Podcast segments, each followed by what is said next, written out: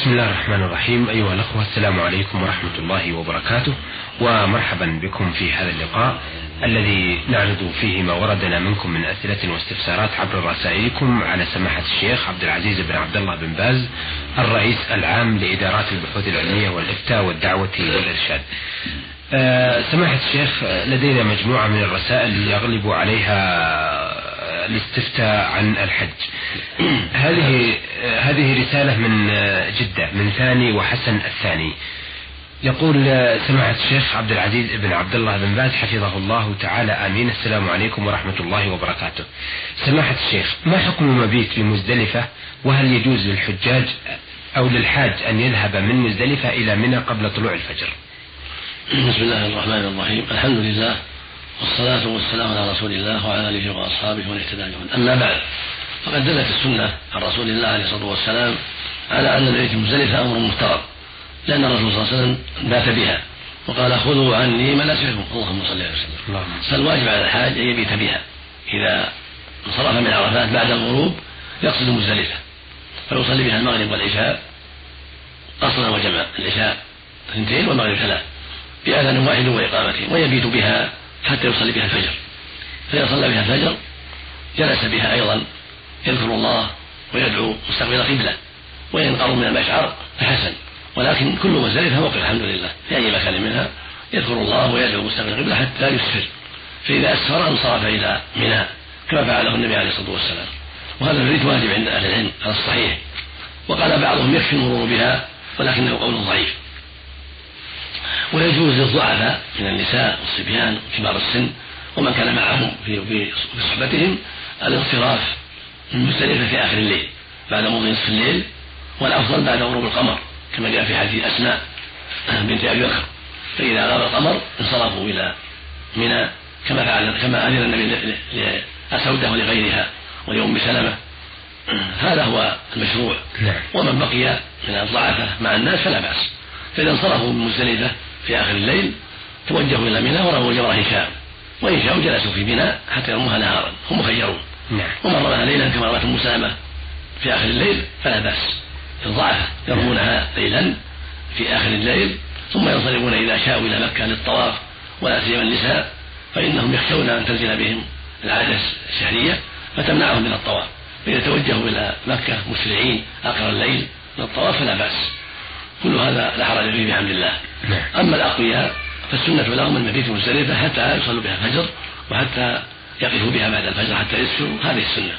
ومن انصرف من الأقوياء مع الضعفة في آخر الليل أجزأه ذلك وصح حجه في أصح قولي العلماء ولكنه ترك الأفضل. نعم. نعم. أحسنتما. آه، في الحقيقة لديهما سؤال آخر. آه، يقولان هل يجوز التقاط جميع الجمرات من مزدلفة للجمرات الثلاث في الأيام الثلاثة أم لا يجوز؟ التقاط الجمرات جائز من مزدلفة ومن بقية الحرم نعم ومن عادة العامة أن يلتقطون الحصى كله من مزدلفة وقد روي عن بعض السلف ذلك ولكن الأفضل عدم ذلك والرسول صلى الله عليه وسلم التقط سبعا يوم يوم العيد صبيحة العيد لقطها له ابن عباس وأعطاه إياه عليه الصلاة والسلام نعم. فجعل يقبضها في يده ويقول أمثال هؤلاء فرموا وإياكم الغلو في الدين؟ فإنما هلك من كان قبلكم الغلو في الدين. سبع ما لقط إلا سبع. مثل حصى الخالف صغيرة يعني مثل حصى مثل بعض الغنم غير الكبير. يعني بعض الغنم التي ليست بكبيرة. نعم. هذا هو حصى الحلف فوق الحنص دون بندق. يرمي به جرة يوم العيد. وإن لقطه من منى كفى ذلك. فإن ظاهر الحديث أنه لقطه من عليه الصلاة والسلام. لقطه له صباح يوم العيد من منى ابن عباس هذا ظاهر السياق. فإذا لقطه من منى أو مزدلفة فلا بأس كله كله طيب وكله كافي. أما بقية الجمار فيلقط من منى هذا ظاهر السنة. وإن لقطه من مزدلفه وجمعها لا حرج لكن الأفضل ألا يتكلف يلقطه من منى ويكفيه والحمد لله. كل يوم 21 حصاه من منى. نعم. للجمرات الثلاث الحادي عشر والثاني عشر. وهكذا الثاني عشر لمن يتعجل. نعم. آه عندهم أيضا سؤال ثالث. ومما قد يرى فيه العامة أنهم إذا وصلوا مزدلفه اشتغلوا بلقط الحصى. نعم. قبل الصلاة قبل كل شيء غلط. ما لها أساس. إذا أراد إذا صلى وتفرغ وتعشى إذا حب يلقطها لا بأس. وإن تركها منها كفى ذلك والحمد لله. المقصود أن العامة يتكلفوا في هذا وليس له أصل. بل إن لقطها من مزدلفه فلا بأس بعد ما يصلي وبعد ما يستريح. وإن تركها حتى يربطها من منى كفى ذلك والحمد لله. جزاكم الله خيرا. في حقيقة هو كان سيسأل عن هذا السؤال. أثابكم الله. آه، سؤاله الرابع آه، يقول فيه الأخوان إذا نقصت الأحجار التي تؤخذ من مزدلفة لجمرة العقبة هل يؤخذ لها من غير مزدلفة أم لا؟ وفقكم الله. تقدم ما يدل على هذا. وأن أخذها مزدلفة ما هو لازم نعم. لو لو نثرها أخذها مزدلفة نثرها وأخذ غيرها من منى كفى فإذا أخذ مزدلفة سبع ثم طاح منها شيء يأخذ من منى الحمد لله. ما شاء الله. ولا حاجة إلى أن ينقلها معه. ينظرها لا يكفي. آه، سؤال ثاني وحسن الثاني من جدة الأخير. يقولان هل هناك أدعية خاصة يقولها الحاج في مزدلفة؟ وما هو المشعر الحرام؟ نرجو الإجابة على أسئلتنا مع قبول الشكر. المشعر الحرام يدعون عند الإنسان مثل ما شرع الله الذكر يذكر الله ويدعو. قال الله جل وعلا فإذا أخذتم بالعرفات فاذكروا الله المشعر الحرام. واذكروه كما هداكم وإن كنتم غير من الضالين. ثم أفيضوا من حيث أفضل واستغفروا فإذا أتى المشعر يذكر الله إلى عرض مزدلفة لا إله إلا الله وحده لا شريك له له الملك وله الحمد وعلى كل شيء قدير. لا إله إلا الله وحده أنجز وعده ونصر عبده وهزم الأحزاب وحده. سبحان الله والحمد لله ولا إله إلا الله والله أكبر. لا إله إلا الله ولا نعبد إلا إياه. له النعمة وله الفضل وله الثناء الحسن. لا إله إلا الله مخلصين له الدين ولو كره الكافرون. ويجتهد في الدعاء أيضا ويستغفر ربه سبحانه وتعالى. نعم. آه هذه الرسالة من آه الأردن المملكة الأردنية الهاشمية الزرقاء مديرية شرطة الزرقاء العريف عبد القادر صلاح. في الحقيقة آه، الأخ عبد القادر يعرض مشكلة آه، مالية. فيما أعتقد. يقول ما حكم الدين في علاج أو في علاجات منع الحمل واستعمالها؟ حيث أنني متزوج ولي أطفال وأن الطفل عندي لما يولد لا يرضع من أمه لأنه لا يوجد بها حليب. وتتم تغذية الطفل بواسطة علب الحليب المجفف مما يؤدي باستمرار إلى إصابة الطفل في النهاية آه، بالتهابات واضطرابات نتيجة هذه التغذية مما يضطرنا إلى مراجعة الطبيب والصيدلية التي تعتبر مراجعتها إرهاب. بسبب ارتفاع التكاليف حتى أني أعجز عن تأمين مصروف العائلة الشهري بسبب ارتفاع الأسعار وارتفاع تكاليف المعيشة التي لا تطاق. وأريد أن أعرف رأي الدين في استعمال علاجات منع الحمل حتى أستعملها حتى أستطيع تأمين الحياة لعائلتي التي أجد مشقة في تأمين احتياجاتها الضرورية. وإذا كان الدين لا يسمح في استعمال العلاجات فما لي سوى أن أعتزل زوجتي؟ لذلك أرجو آه، أن تتفضلوا علي بالإجابة والسلام عليكم ورحمة الله وبركاته.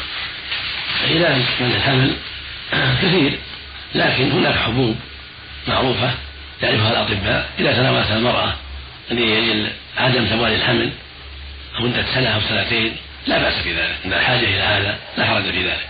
وإن أرضعت الطفل ولم تتركه للحليب المجفف فذلك أفضل لها إذا تيسر أنها ترضعه وحصل فيها لبن كونها ترضعه هذا من أسباب عدم حملها. ما دامت ترضعه حتى تصدمه هذا هو الغالب بإذن الله. إذا كانت ترضع فإنها لا تحمل في الغالب. فتحمل فترضعه وتكفي زوجها مغنة التعب في الصيدليات وشراء الحاجات الأخرى.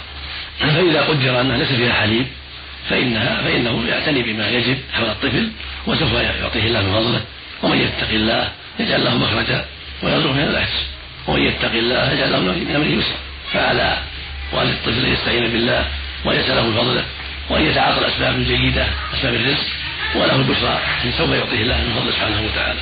ولا بأس أن تعاطى المرأة الحبوب التي تمنع الحمل لمدة سنة أو سنتين رفقا بالوالد عن فوائد الحمل ورفقا بها أيضا عن مشقة الحمل. هذا بعد هذا بسرعة. لا حرج في هذا إن شاء الله. وإن صبرت على حمل وصبر هو على الحمل ولو توالى فهذا خير الا خير. ولعل الله يخرج من أصلابهم من يعبد الله وينفع المسلمين. فالحاصل أن تعاطي حبوب الحمل لا بأس بها أن الحاجة إليها لكن لا يطول. مده سنة أو سنتين ثم تترك حتى تحمل وحتى يكثر الأولاد. والله والله هو الرزاق. ولا ينبغي لها أن يحتاج منها. لا ينبغي الوالد أن يأخذ آه، مشقة من المؤونة فإن الله سوف ييسرها ويعينه عليها إذا لجأ إليه واستعان به سبحانه وتعالى. نعم. أحسنتم. آه، الرسالة الآن آه، وردت لنا من بقيق من الحجاج حاء سين قاف وميم نون دال. يسألون عن الإحرام. يقولون عندما وصلنا إلى الميقات تطهرنا طهورنا للصلاة ثم لبسنا الإحرام وبعد ذلك قلمنا أظافرنا وأخذنا من شواربنا. بعد ذلك لبينا بالحج. هل إحرامنا هذا صحيح أم أنه لا بد من إزالة هذه الأشياء قبل ملابس الإحرام؟ علما أن ذلك تم قبل النية أو قبل التلبية. أثابكم الله. كل هذا لا حرج فيه. إذا قص شاربة. ولم أظهره بعد اللبس لبس الإزار والرداء أو قبل ذلك قبل النية فلا بأس كله طيب. المقصود أنه يغتسل ويتطيب ويقلم أظهاره ويقص شاربه ويأخذ إبطة إذا كان شيء قبل أن ينوي قبل أن ينوي العمرة والحج قبل أن يلبي أيضا. هذا هو الأفضل. ولو ترك ذلك فما أخذ شيء من شارب ولا ظفر ولا اغتسل ولا طيب لا حرج عليه. كل هذه مستحبة. لو أحرم ولم يغتسل ولم يتطيب ولم يقص شاربا ولا ظفرا فحجه صحيح وعمرته صحيحة والحمد لله. إنما هذه أمور مستحبة عند الإحرام. ولو فعل ذلك في الطريق أو في بيته بأن اغتسل الطريق قبل الحرام بساعة أو ساعتين أو كذا أو غسل شاربه في الطريق أو قلم أظهره في الطريق أو نتف في الطريق كفى ذلك. أو في بيته في البلد. كل هذا بحمد الله موسع. نعم. آه هذه الرسالة وردت من عادل إبراهيم الحمود الخبر. يقول آه، أرجو من سعادتكم أن تعرضوا هذه الرسالة على سماحة الشيخ عبد العزيز بن عبد الله بن باز وجزاكم الله خيرا. آه، نحن يا أخ عادل نعرضها الآن على سماحته. فضيلة الشيخ آه، عبد العزيز بن عبد الله بن باز وفقه الله لا يخفى عليكم بأننا نمر في هذه الأيام بفتن شتى حتى أن أحدنا قد يقع في إحداها وهو لا يعلم. لذلك وجب السؤال في هذه الأيام كثر التعامل بالأسهم البنكية وغيرها حتى أننا لا نجد بيت من بيوت المسلمين إلا وقد تعامل بها إلا ما رحم الله. وتعاطاها وقد يظن الكثير أن التعامل بها حلالا وآخرون يقولون إنه حراما. فاختلط الأمر علينا حتى وجدنا فيكم من يرشدنا ويرشد المسلمين إلى ما فيه هدايتهم وصلاحهم إن شاء الله تعالى. نرجو الإفادة في ذلك.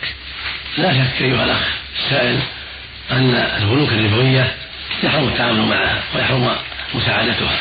فالبنوك التي تعامل الربا لا يجوز الاشتراك فيها ولا التعاون معها لأن ذلك داخل في قوله في قوله سبحانه ولا تعاونوا على الإثم والعدوان فلا يشترى منها سهام ولا تعان بشيء لأنها تعان على الإثم في هذا.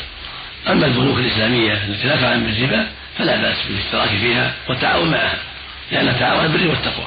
فينبغي للمؤمنين أن يحذروا هذه الأشياء التي حرم الله عليهم فهي فالتعامل من البنوك الربوية مما لا يرضاه الله سبحانه بل لا يجوز ذلك. سواء كان التعاون بالكتابة والوظيفة أو التعاون بالمساهمة فيها وبذل المال فيها والمشاركة. كل هذا لا يجوز لأن الرسول صلى الله عليه وسلم كاتب الربا وآكل الربا وموكله وشاهديه لأنهم يتعاونون في هذا والتعاون على الإثم والعدوان أمر محرم.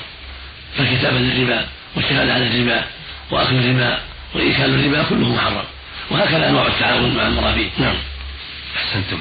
هذه الرسالة تتعلق عن بالحج أيضا و سعد زيد الشامي الثقبة المنطقة الشرقية يقول حجيت بزوجتي وعرضت علي زوجتي عندما أردنا الذهاب أو عرضت علي ذهاب أختها معنا للحج وأردت الامتناع لأن أختها ليست محرما لي إلا أني خشيت بأن تظن زوجتي أني لا أريد أختها تحج معنا فقط.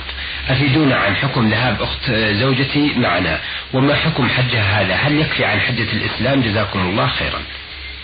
الجواب يا أيها السائل لا شك أن أن سفر المرأة بدون محرم لا يجوز.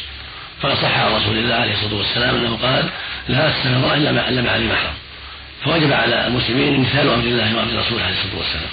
فلا يجوز المرأة أن تسافر للحج ولا لغيره إلا بمحرم وهو أخوها أو عمها أو أبوها أو زوجها. فأخت الزوجة ليست محرما وليس لها محرما فليس لها أن تسافر معك. ولو رغبت أختها فليس لها أن تسافر معك للحج ولا غيره. ولك أن تعتذر بالأمر الشرعي وتقول لا يسعني أن تسافري معنا ولست بمحرم. وهذا هو الواجب عليك وعليها الاقتناع بأمر الله وبحكم الله سبحانه وتعالى. لكن لو حجت بغير محرم حجها صحيح. وعليها التوبة والاستغفار مما تعاطت من الإثم. والحج صحيح لأنه وقع موقعه لكن الوسيلة إليه غير جائزة فعليها التوبة إلى الله من ذلك والاستغفار وحجها صحيح. أحسنتم. أيها السادة إلى هنا ونأتي على نهاية هذا اللقاء الذي استعرضنا فيه رسائل وأسئلة واستفسارات. كل من المستمع ثاني وحسن الثاني من جدة والعريف عبد القادر صلاح الأردن الزرقاء والمستمعان حاء سين قاف وميم نون دال بقيق ويسألون عن حكم الأخذ من الشعر والأظافر بعد لبس الإحرام وقبل التلبية. وقد سمعنا من سماحته أنه لا شيء في ذلك. وأيضا رسالة عادل إبراهيم الحمود من الخبر. وأخيرا سعد زيد الشامي من التقبة. آه شكرا لسماحة الشيخ وعبد العزيز بن عبد الله بن باز آه الرئيس العام لإدارات البحوث العلمية والإفتاء والدعوة والإرشاد وشكرا لكم أيضا أيها السادة وحتى نلتقي نستودعكم الله والسلام عليكم ورحمة الله وبركاته.